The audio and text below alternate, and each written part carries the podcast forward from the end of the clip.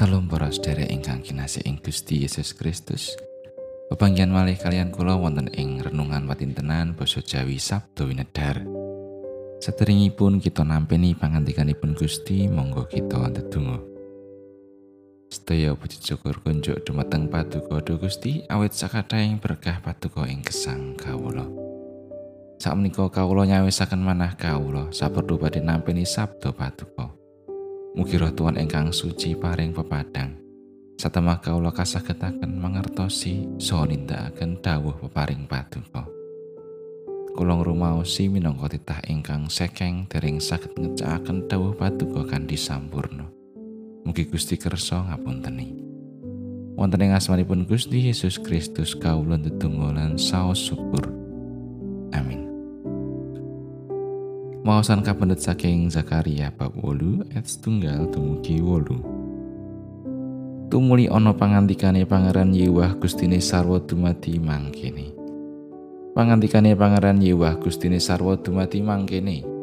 Banget anggoning sun budidaya nindakake samubarang kanggo Sion lan kalawan Bramantya kang banter. Pangantikane Sang Yewah, ingsun bakal rawuh ing Sion maneh lan akedaton ing tengah Yerusalem. Sarta Yerusalem bakal kasebut kutha setya. Dene gununge Sang Yewah Gustine Sarwa dumati bakal kasebut gunung suci. Pangantikane Pangeran Yewah Gustine Sarwa dumati mangkene. Ing lurung-lurunge Yerusalem bakal ana wong kaki-kaki lan nini-nini padha lungguh maneh kelawan padha nyekel teken marga saka keing umure.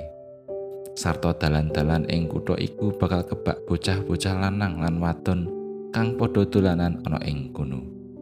Pangantikane Pangeran Yewah Gustine Sarwa dumati. Menawa lelakon ing wektu iku diarani aneh dening kekarene bangsa iki, apa ingsun iya bakal mastani aneh uga. Mangkono pangantikane Sang Yewah Gustine Sarwa dumati. Pangantikane Sang Yewah Gustine Sarwa dumati mangkene. Lah umat ingsun entasake saka ing panggonan pethek ing srengenge nganti tumeka ing papan surupe. Sarto bakal sun ulihake mrene supaya padha manggon ana ing tengah Yerusalem. Apa dene bakal padha dadi umat ingsun sarta ingsun dadi alae kelawan kasetian lan keadilan. Makatan pangantinganipun Gusti ayat nat saking ayat pitu. Lah umat ingsun sun entasake saka ing panggonan plethek ing srengenge nganti tumeka ing papan sumurupe.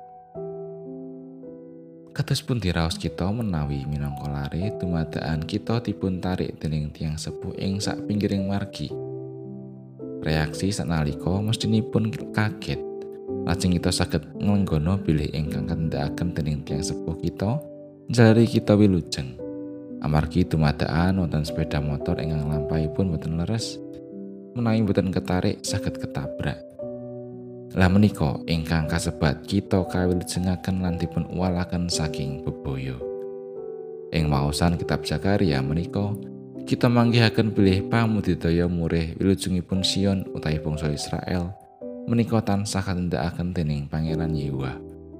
Mboten kirang-kirang anggenipun Gusti mudidaya ngantos Sion menika ingkang swaunipun sepen lajeng dados reja malih lan warganipun wit saking lare-lare dumugi kaki-kaki ugi nini-nini saged gesang nampeni katentreman.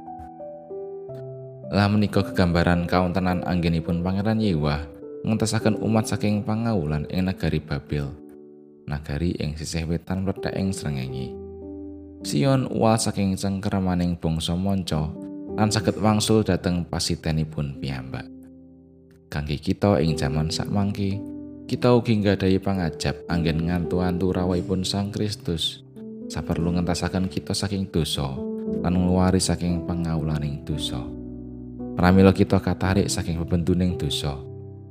Ing wekdal rawuhipun Gusti katentreman miwah karahayon ugi badhe kababaraken dhateng sedaya umat. Wit saking lari-lari tumugi kaki-kaki ugi nini-nini tansah bingah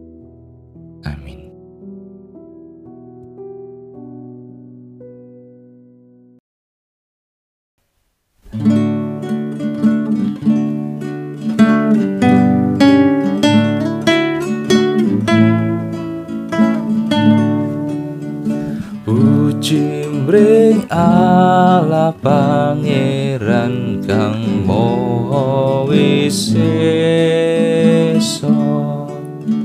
muji ramyo pinarung lan sawerni ning kongso pangitunya layan pingaing mana gunggung